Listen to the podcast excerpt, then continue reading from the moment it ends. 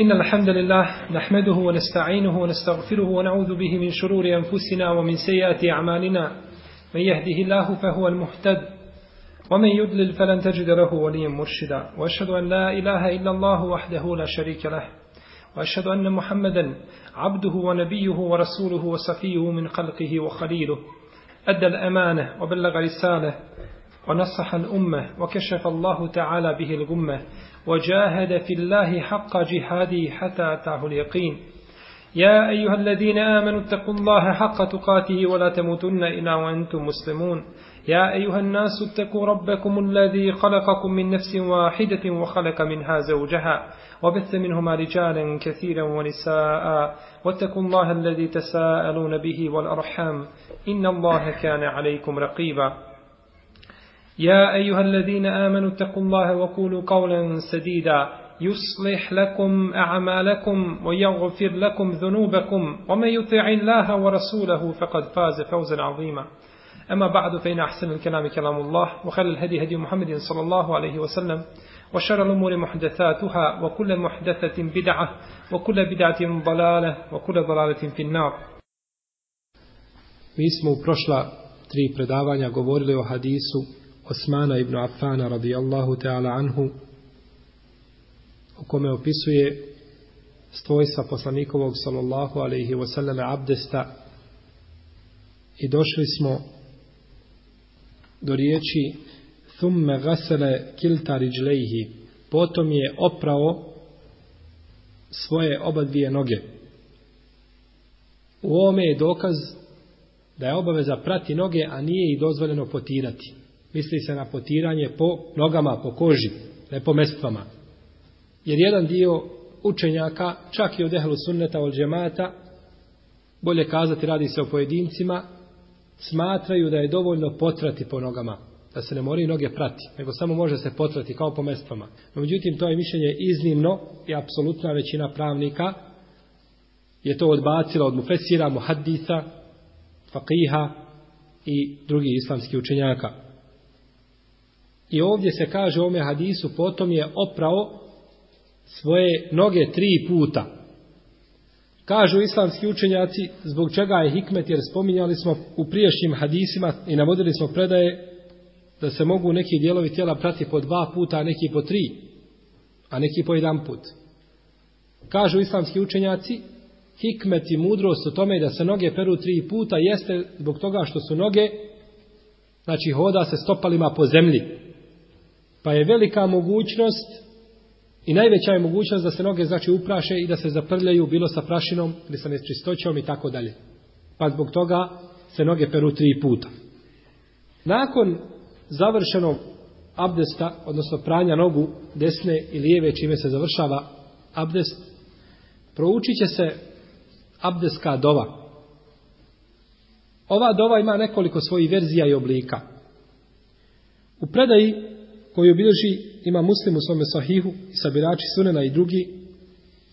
Od Omara radijallahu ta'ala stoji da je poslanik sallallahu alaihi wasallam rekao nema nikoga od vas ko se abdesti upotpunjavajući svoj abdest a potom kaže ešhedu en la ilaha illa Allah wa enne Muhammeden abduhu wa rasuluhu znači svjedočim da nema drugog Boga osim Allaha i da je Muhammed sallallahu alaihi wasallam njegov rob i njegov poslanik a da mu se neće otvoriti svih osam džennetskih kapija da uđe na koju želi od njih. Pa je ova dova nada mu'mina koji se abdesti. Zbog jedne dove da mu Allah te barake od tala otvori osam džennetskih kapija da izabira na koju će od njih da uđe u džennetska prostranstva. U drugoj verziji ovoga hadisa stoji Ašhadu an la ilaha illa Allahu wahdahu la šarike leh. Wa ašhadu anna Muhammeden abduhu wa rasuluhu Allahumma ja'alni min at-tawwabin wa ja'alni min al-mutatahhirin.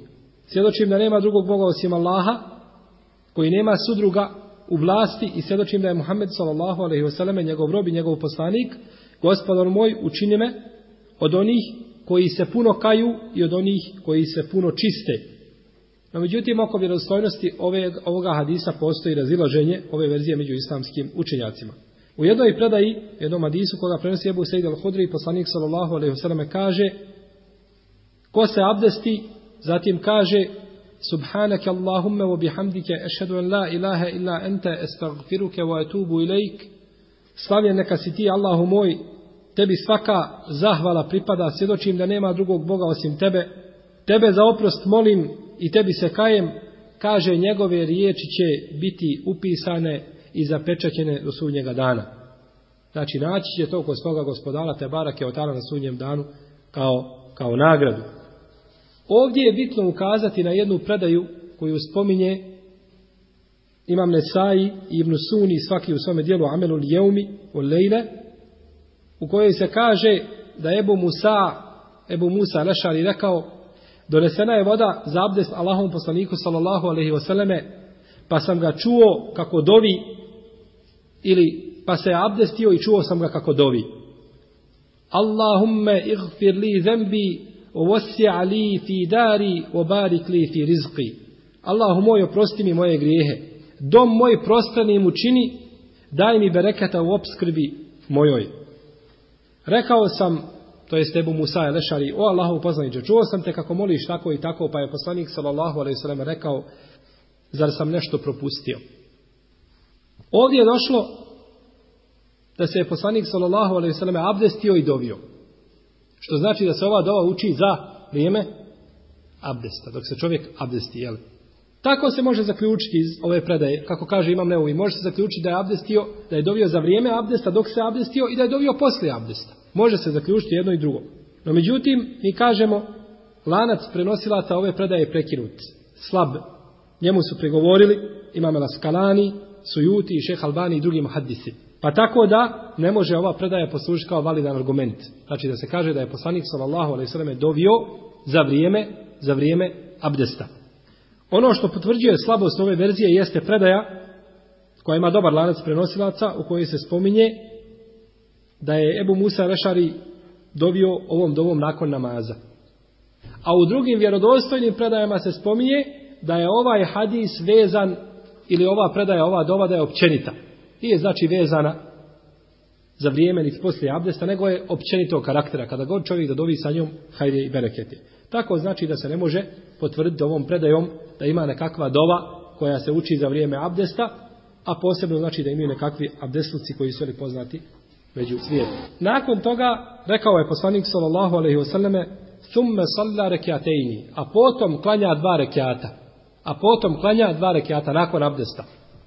Ovo je dokaz da imaju dva rekiata koji se klanjaju nakon abdesta. I poznati su kod učenjaka fikha, fakiha, kao sunenul vudu, kao sunnet jele abdesta. Dva rekiata. No, međutim, neki islamski učenjaci smatraju da to nije sunnet, iako je to suprotno ovome hadisu.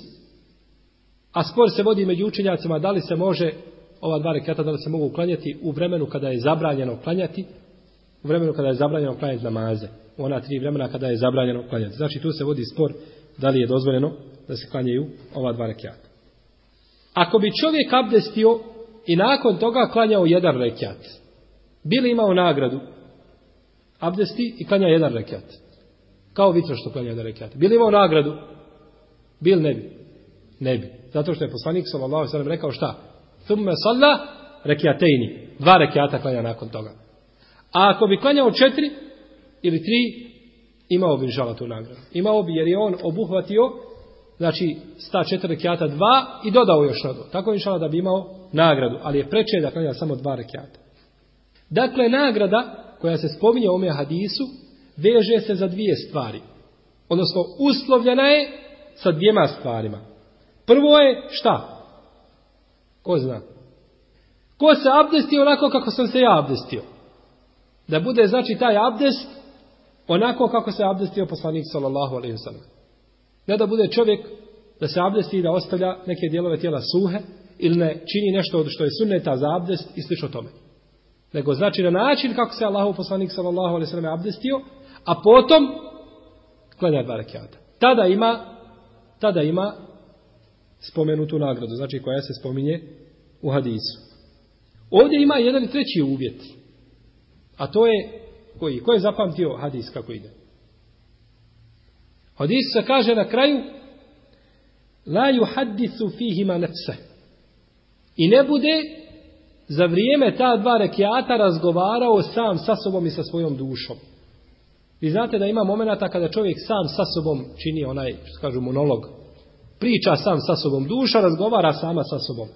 Nešto on nota i nešto razmišlja i kao da ima razgovor nekakav sa svojom dušom. Ovaj razgovor ove prirode postoje dvije vrste ovoga razgovora sa svojom dušom. To je razgovor, prva vrsta je da čovjek to ne može spriječiti. Dešava se i ne može to otjerati od sebe. Kao što je sahabima, ridvanullahi ta'ala alaihim ajma'in, dolazilo da su govorili poslaniku sallallahu alejhi ve selleme Allahu poslanice dešava nam se nešto u našim dušama što ne smijemo kazati. Stid nas je da kažemo. Ne možemo to kazati šta nam naše duše govore. Pa kaže poslanik sallallahu alejhi ve selleme, jeste li to osjetili? Kažu jesmo. E kaže to je pravi iman. Pa su se šejtanske sve spletke i vesvese koje može čovjek učiniti i donositi svele na šta? Na to da njegovoj duši prigovara i da joj znači ubaciva nešto ili da duša sama sa sobom razgovara, znači i sve se završava, sve se završava na tome. To je znači prva vrsta da čovjek ne može spriječiti te vesvese I druga vrsta je da ih može spriječiti. Da on može spriječiti, znači presve s otim. I na ovu drugu vrstu se odnosi ovo što je spomenuto u hadisu.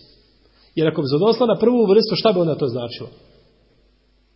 To bi značilo da je čovjeku nemoguće da uzme tu nagradu. Jer imaš vesvese koje ti ne možeš spriječiti s sobom. Je li tako? Je li vi razumijete o čemu? Imate vesvese koje ne možeš spriječiti. I sada se kaže, ne smiješ imati ti vesvesa. Koja je dva rekiata ne smiješ imati. To bi značilo nema šanse da uzmeš tu nagradu. To bi bilo da ti neko obećava nešto nemoguće.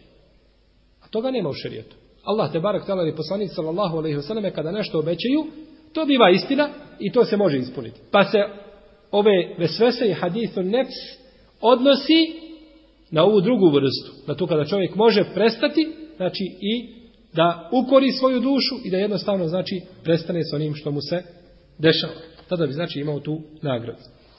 Dobro. Ako čovjek namjerno izazove ovaj hadithun nefs, sam sa svojom dušom priča, nešto razmišlja on u namazu, o nečemu tamo desetom lijevom, što nije vezano za namaz, niti za džennet, niti za džehennem, niti za Allaha te barake od tada njegovu vjeru. Da li će mu biti namaz pokvaren? I ima li razlike između puno toga hadisu nefs i između malo? Ako bi čovjek to jedan period činio pa prekinuo namazu, i ako to činio tokom cijelog namaza. Kaže šehol islam ibn Taymije, ve sve se ne kvare namaz ako ih je malo po konsensusu islamskih učenjaka. Ako se desi čovjek, znači tako nešto s te strane, malo u namazu, to ne kvari namaz po konsensusu pravnika. Već je ispravno, kaže, da umanjuje nagradu. Kao što rekao Ibn Abbas, lej se leke min salatike, illa ma akalte minha. Ti nemaš od svoga namaza, osim ono što si prisutan i koliko si prisutan. I to se navodi u jednom hadisu od poslanika sallallahu alaihi sallame, koga bilježi imame Budavudi, Ibn Hibban, imam Mahmed, sa dobrim lancem prenosilaca, kaže čovjek završi namaz, a nema od namaza osim desetinu, ili devetinu, ili osminu, ili sedminu, šestinu, petinu, četvrtinu, tako do pola namaza. Pa neko iziđe iz namaza, nema ništa, a neko ima punu nagradu. Znači, shodno njegovom prisustvu u tome namazu. Znači, shodno prisustvu u namazu ima tu nagradu. Bilježi ima Buhari u svome sahihu da je Omar radijallahu anhu govorio, kaže, ja ponekad opremim konjanicu, a ja kaže u namazu. Muallakan, bez lanca prenosilaca i tu je predao ispojio Ibnu Hazm u svome dijelu Muhalla sa ispravnim senedom. Kaže, ja opremim ponekad vojsko, ja u namazu. Znači, razmišljaju Allahovi te barak vjeri o oslobađanju zemlje, o širenju pravde i dina po zemlji. Pa inša Allah da takve stvari ne kvare čovjeku namaz. Iako je bolje da čovjek se u namazu, znači, okrene Allahu te barake wa i razmišljanju, znači, o Allahu ja zauđel nagradi. Gufire lehu ma tekaddeme min zembihi. E ovo je nagrada koja je obećana u hadisu. Biće mu oprošteni prethodni grijesi. Ma te min zembihi. Općenito. Svi prethodni grijesi. Znači i veliki i mali. Ovako se razumije iz hadisa. I veliki i mali. No međutim, izrazita većina učenjaka kaže to se odnosi samo na male grijehe, ne na velike. Pa to dokazuju hadisom u kome je poslanik sallallahu alejhi ve selleme kaže pet namaza i džuma od džume do džume i od Ramazana do Ramazana iskupljuju ono što je između toga ako se prođe čovjek velikih grijeha. Ako se prođe velikih grijeha, onda mu to biva iskupina za ono što je između toga. Pa ako namaz i džuma i Ramazan ne mogu oprostiti i nisu uzrok da se oproste veliki grijesi, onda ne može biti sigurno ni uzimanje abdesta. Jer je uzimanje abdesta sigurno kudi kamo manje od toga. Znači što znamo da imaju islamski učenjaci koji su kazali da uzimanje abdesta nije ibadet, nego da je šta? Nego da je sredstvo za ibadet. Pa znači, ako namaz i džuma i namazan neće uzrokovati taj oprost, onda neće sigurno ni uzimanje abdesta. Dobro. Čovjek ima velike i male grijehe i postupi po ome hadisu. Mogu li mu se oprostiti mali grijesi, a prisutni veliki? Mogu. Biće mu znači oprošteni mali grijesi, a veliki ostaju. Dobro. Čovjek ima samo velike grijehe. Počinio je tri velika grijeha, nema mali grijeha. Šta onda biva? Ima samo velike grijehe, nema mali grijeha. A ovaj hadis oprašta male grijehe, ne oprašta velike. Šta će biti? Ostaje veliki. Znači, ništa, nema nikakve nagrade što je, jeli? Tako je. Biva smanjenje velikih grijeha. Pa taj veliki grijeh može se smanjiti za četvrtinu, za trećinu, za polovinu, za osminu, sedminu, Allah najbolje zna za koliko, ali inša Allah da to uzima od velikih grijeha. Da to uzima inša Allah od velikih grijeha, tako da bi se znači potpuno značenje ovoga hadisa sa svih strana. Ovo je zaključak jedan, koga zaključili islamski učenjaci, ne mora znači, znači da je, je li 100% ispravan. Iz ovoga hadisa se može zaključiti isto tako od koristi ove predaje, da je legitimno u šarijatu da se neko poučava sa dijelom. Da se ljudi poučavaju sa dijelom. Pa je ovdje poslanik sallallahu alejhi ve praktično nešto šta učinio i iz toga ljudi uče način uzimanja abdesta. Isto tako u ome hadisu je dokaz da su postupci poslanika sallallahu alejhi ve selleme dokaz u šerijatu. Je tako? Jer je poslanik sallallahu alejhi ve nešto činio. Možete neko kazati pa to je jasno. Nema potrebe o tome pričati. Jest. To je jasno onome ko je shvatio vjeru. Ali znajte da ima, našao sam preko osam šubhi i sumnji koje navode po pitanju poslanikovi sallallahu alaihi sallam postupaka. I imam jednu doktorsku desertaciju koja u dva dijela, još jedan ovakav dio ima, vezana je za postupke poslanika sallallahu alaihi sallam. Samo što su to postupci u šerijetu? Kako se rezonuju postupci? Kako se gledaju? Kako se prilazi postupcima i tako dalje? Pa je autor ovoga dijela odgovarao, autor koji se zove Muhammed Sulejmana Naškar, on je poznat vama svima, on je brat doktora Omela Naškala, napisao je, znači to je njegova doktorska desertacija na tu temu. Pa ima, znači, šubhi koje se navode po tome pitanju. Mi nećemo ulaziti u to, jer to nije usko vezano za hadis, međutim, Možemo kazati ovdje samo da su postupci poslanika sallallahu alejhi ve dokaz u šerijetu i navesti za to nekoliko argumenata nakon čega čovjek više neće imati sumnje po ome pitanju.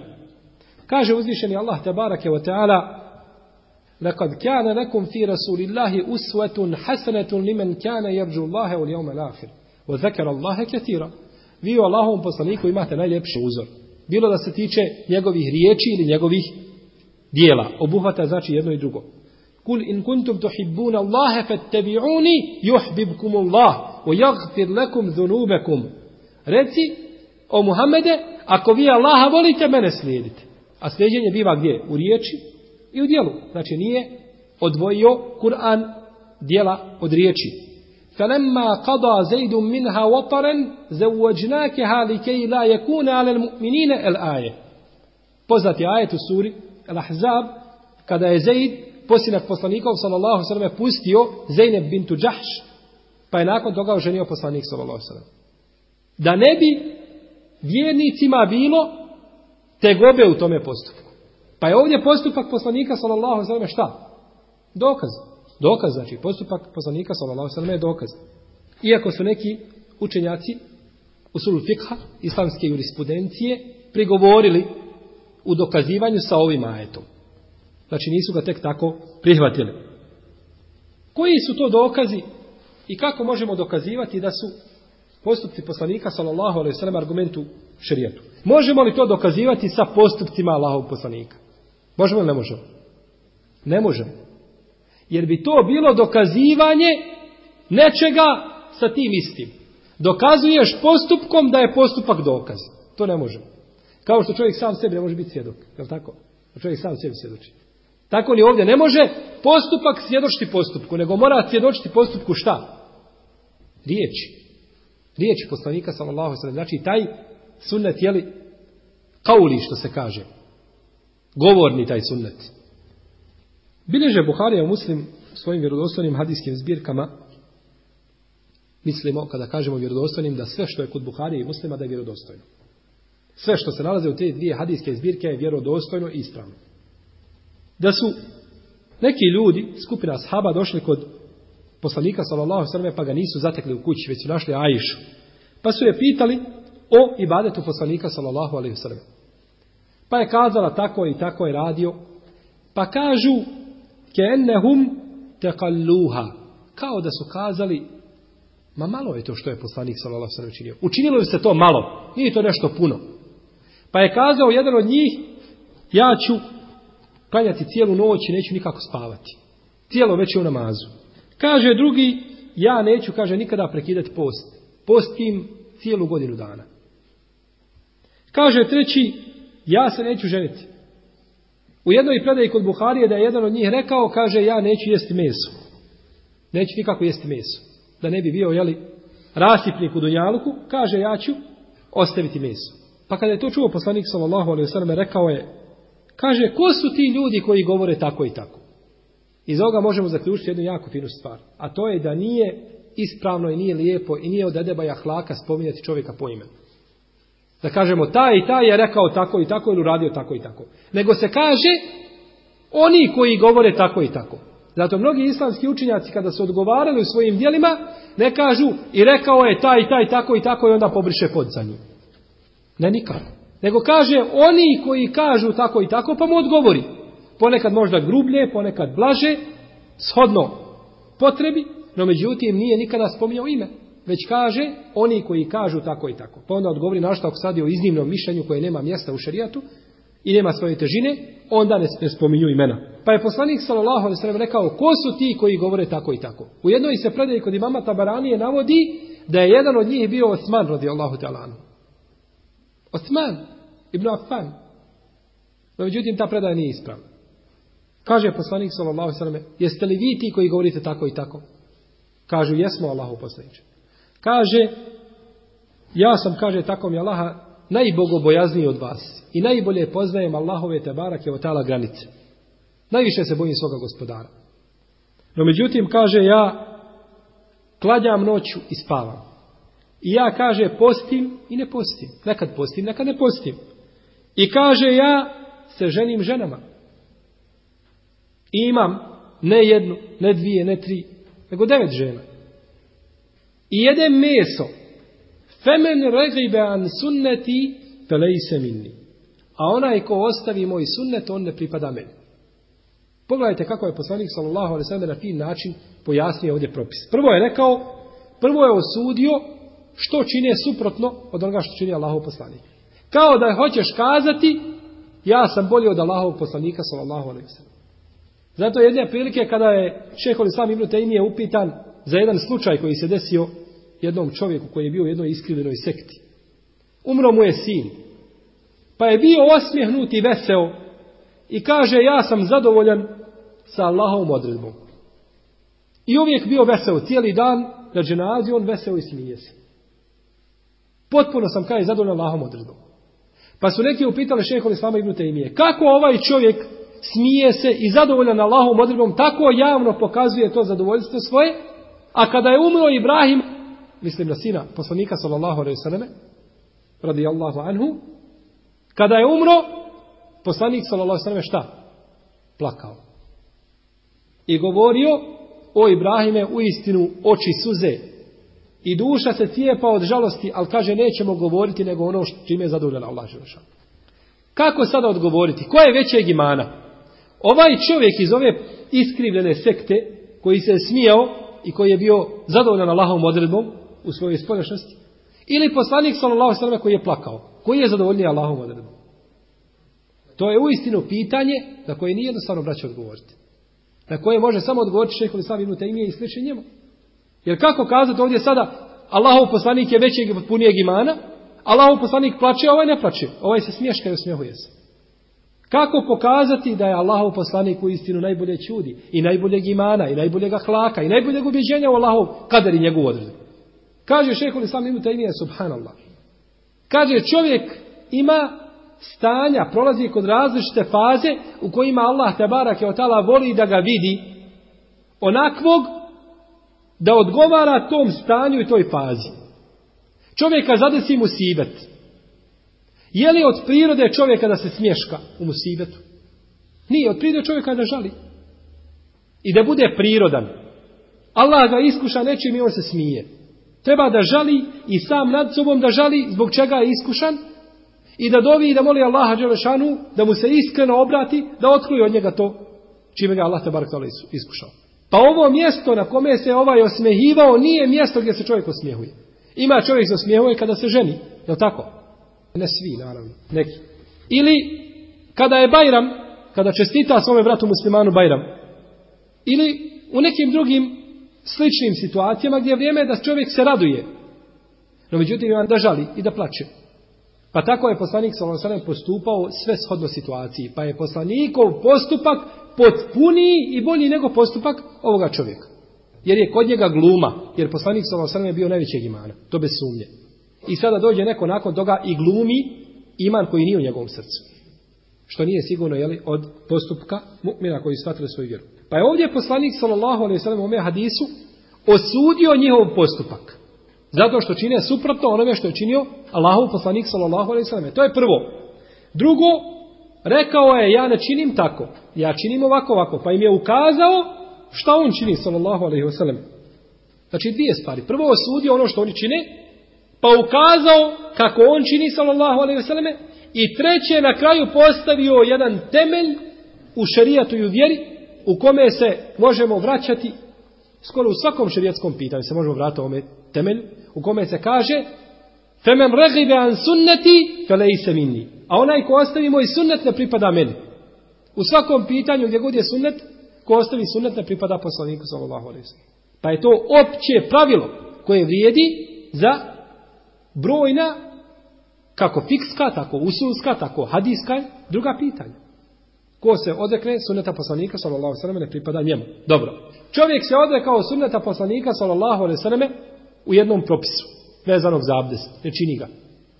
Pere lijevu prije desne. Ha, pere lijevu ruku prije desne. Je li on kjafir? U se kaže, šta nije? Od mene, ne pripada meni. Femen ragibe an sunneti, ako ostavi moj sunnet i okrene se od moga sunneta, fe ne se mini, nije od mene, ne pripada meni. Ako ne pripada poslaniku, sallallahu sallame, može li biti musliman? Ko zna? Ne može. Jel nevjernik onaj ko pere lijevu prije desno? Nije. Ovdje značenje hadisa jeste ko ostavi moj sunnet ne pripada meni u toj oblasti i tom segmentu i tom sunnetu koga je ostavio. Znači što se tiče pranja desne prije lijeve, nisi od sunneta poslanika sa osrem, niti pripadaš Allahom poslaniku. Što ne znači da si izišao iz vjere.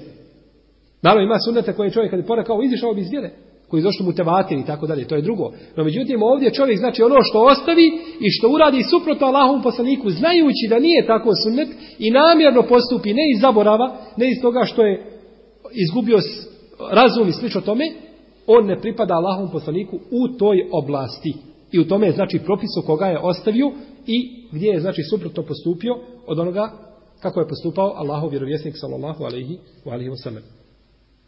Isto tako jedan od dokaza da su postupci poslanika sallallahu alejhi ve selleme dokaz u šerijatu jeste to što kada bi Allahov poslanik sallallahu alejhi ve selleme nekada bio upitan neke stvari, on bi kazao ja radim tako i tako.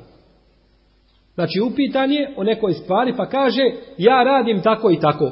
Pa je svojom riječju ukazao na šta? Poslanik sallallahu alejhi ve selleme kada bi upitan bio o nekoj stvari kazao bi ja činim tako i tako. Pa bi svojom riječju ukazao na šta? Na na djelo. Što ukazuje da je djelo dokaz u šerijatu. Na primjer, u hadisu Džubeira ibn Mutama od poslanika sallallahu alejhi ve selleme u svojstva njegovog gusula stoji da je rekao što se mene tiče ja kaže tri puta saspem vodu na svoju glavu. Tri puta saspem vodu na svoju glavu. Pa je ovdje riječju poslanik sallallahu sallam ukazao na šta? Na, na dijelo. Jer ovdje, znači biva dijelo, onda dokaz, je li u šerijatu. U drugom hadisu Enesa, ovi sadisi vjerodostojni koje navodimo, kaže poslanik sallallahu sallam, ja se Allahu pokajem dnevno 70 puta. U drugoj predaj 100 puta. Što ukazuje da je pokajanje, šta? Dijelo. Sastavljeno je li iz dijela i riječi. Prenosi se od Ajše radijallahu ta'ala anha da je jedan čovjek rekao o Allahu poslaniče, mene kaže zatekne sabah namaz, to jeste osvane zora, a ja kaže džunup. Pa kaže postim, nastavim postiti. Kaže poslanik sallallahu sallam, i ja kaže isto tako učinim. Kaže zatekne me zora, a ja džunup i kaže nastavim nakon toga postiti. Pa je poslanik sallallahu sallam svojom riječju ukazao na djelo. I sličan rivajet ili predaja ovoj prethodno je od Umu Seleme kada je Omer ibn Ebi Seleme pitao poslanika sallallahu alaihi sallame da li može čovjek poljubiti svoju ženu koji je postač, koji posti, da li može poljubiti svoju ženu. Pa je rekao poslanik sallallahu alaihi sallam, kaže pitaj ove ovdje. Koga? Umu Seleme. Kaže pitaj ove ovdje. Pa je kazala da poslanik sallallahu alaihi sallam postupa tako. Pa je Umu Seleme kazala, jeste poslanik sallallahu alaihi sallam postupa tako. Pa je Allahov poslanik alaihi sallatu wasalam ljubio svoje žene dok je postio, dok je bio postač. U Ramazanu i mimo Ramazana, bez obzira o kom se postu radilo. Pa je ovdje Umu Seleme ukazala na šta? Na postupak. Pa kaže, jeste tako čini Allahov poslanik. Pa je Umu Seleme znala i shvatila da je postupak Allahov poslanika šta? Dokaz u šarijetu. A šta ovdje biva, možda će neko kazati, pa dobro, to su riječi Umu Seleme. Kako ćemo odgovoriti na to? Ako neko kaže, to su riječi Umu Seleme, ona je to kazala, to nije kazao Allahov poslanik, šta ćemo odgovoriti? Pa on je tu prisutan, sjede, oni su u jednoj dželsi, u jednoj halki, na jednom mjestu. Ona odgovara pred njim je Allahov poslanik šta? Šuti, odobrava. A odobravanje Allahovog poslanika, sallallahu sallame, i odobravanje sa njegove strane je sunnet. Jer je sunnet ono što je Allahu poslanik kazao, ili radio, ili odobrio da se radi, ili njegov izgled kako je izgledao. Znači sve se to smatra sunnetom. Iako to imaju posebno, znači pravilano, međutim ovo je općenita ili definicija. U jednoj drugoj predaji od Ajše radijallahu ta'ala anha se navodi da je poslanik sallallahu sallame bio jedne prilike u društvu sa ashabima, pa ga jedan čovjek upitao, kaže, čovjek kaže ima odnos sa svojom ženom, ne dođe do ejakulacije ni sa jedne ni sa druge strane. Nego jednostavno čovjek prekine odnos. Pa kaže šta će činiti? Pa mu kaže poslanik sallallahu alejhi ve selleme kaže inni la af'alu hadha ana wa hadi thumma naghtasil. Kaže ja tako činim kaže sa ovom ovdje. Pa je pokazao na Ajšu. Kaže ja tako činim sa ovom ovdje, pa kaže nakon toga se onda okupam. Pogledajte kako je poslanik sallallahu alejhi ve sellem htio ashabima pojasniti propis. Zbog čega on mora spominjati Ajšu? To je neprijatno za ženu, je tako? Da je spomene muž u društvu da kaže to ja činim sa ovom ovdje, I onda se kaže kupamo. Ima da pocrveni sva. No međutim, Allahov poslanik je htio objasniti da to niko više ne zaboravi. I nakon ovoga sigurno će pamćenje, znači ovoga događaja biti jače kod ashaba.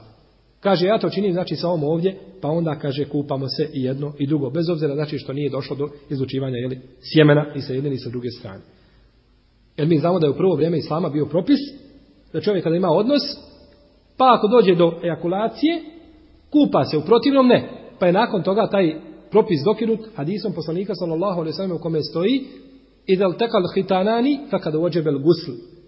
Kada se spoje, jeli dva stidna mjesta, ili u hadisu kako spominje obrezana mjesta, onda treba se kupati.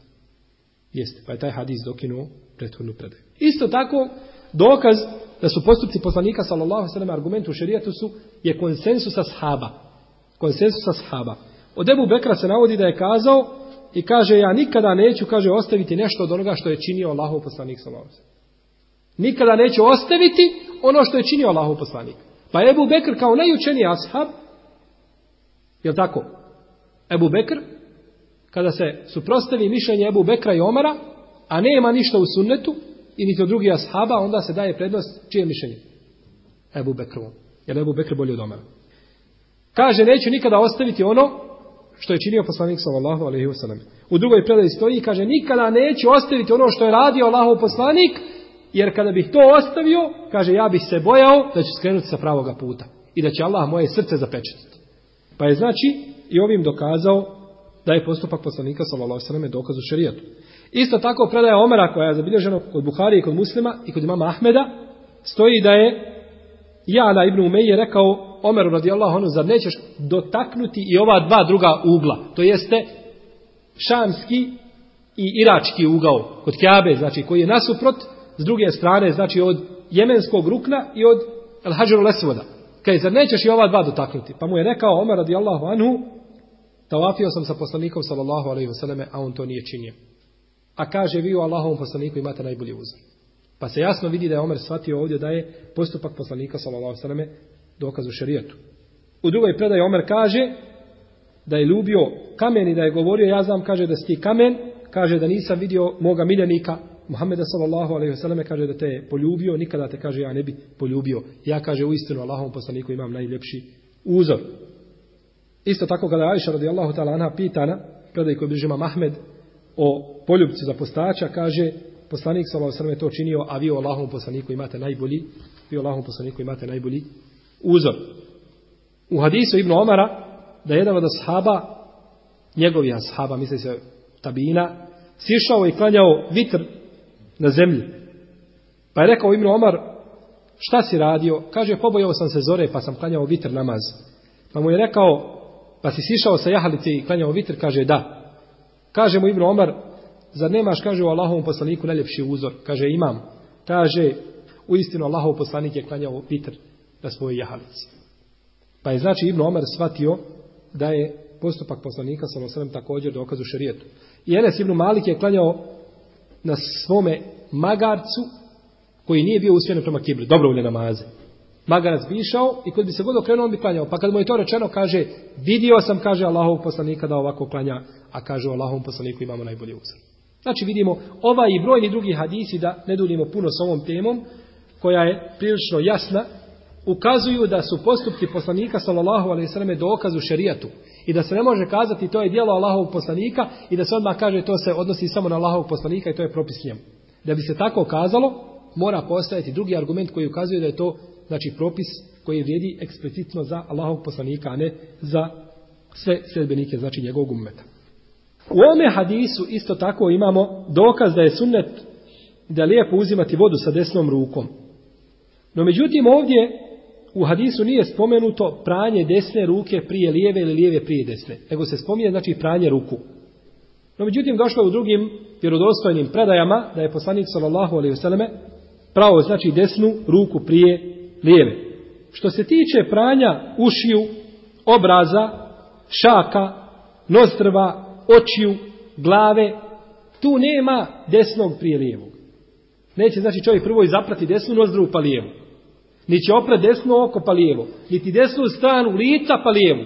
Nego je tu sunnet da pere šta? Skupa. Da potira glavu cijelu, ne desnu stranu pa lijevu. Nego potire znači desnu i lijevu stranu skupa. Zajedno. Isto tako znači kod pranja znači lica, jele, potiranje glave, očiju, nozdrva, obraza i tako dalje. Tu je znači sunnet da se to čini istovremeno. No međutim, ako čovjek bude spriječen, kao na primjer da ima čovjek šta? Samo jednu ruku.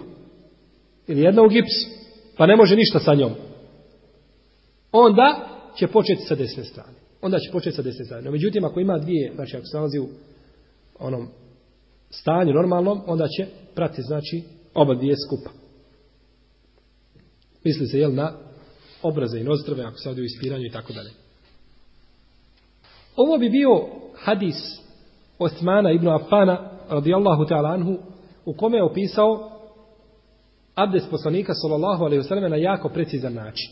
I na kraju dodao da onaj ko nakon ovakvog abdesta klanja dva rekiata da će mu biti oprošteni prijašnji grijesi. Mi smo kazali da se ovaj hadis uz još neke druge hadise smatra temeljom u poglavlju taharata ili uzimanju abdesta. Jer je na jako precizan način objašnjeno znači uzimanje abdesta i ovo što smo govorili o ome hadisu, neka četiri predavanja, znači pojasnili smo nećemo kazati u najtanje tančine abdest, ali smo spominjali brojne propise, znači sporedne koji su vezani za abdest, pa bi znači to bio otprilike abdest da kažemo onako kako je došao u sunnetu poslanika, sallallahu alaihi wa alaihi wa sallam. Naravno, ima i nakon toga dolaze opet hadisi koji spominju abdest i neke propise vezane za abdest, no međutim mi ćemo ići pa šta sretnemo od onoga što smo već komentarisali, o čemu smo već govorili, o tome nećemo govoriti, nego ćemo znači spomenuti samo neke propise koji su vezani, znači o kojima nismo posebno nešto govorili. Allahu Teala, amen.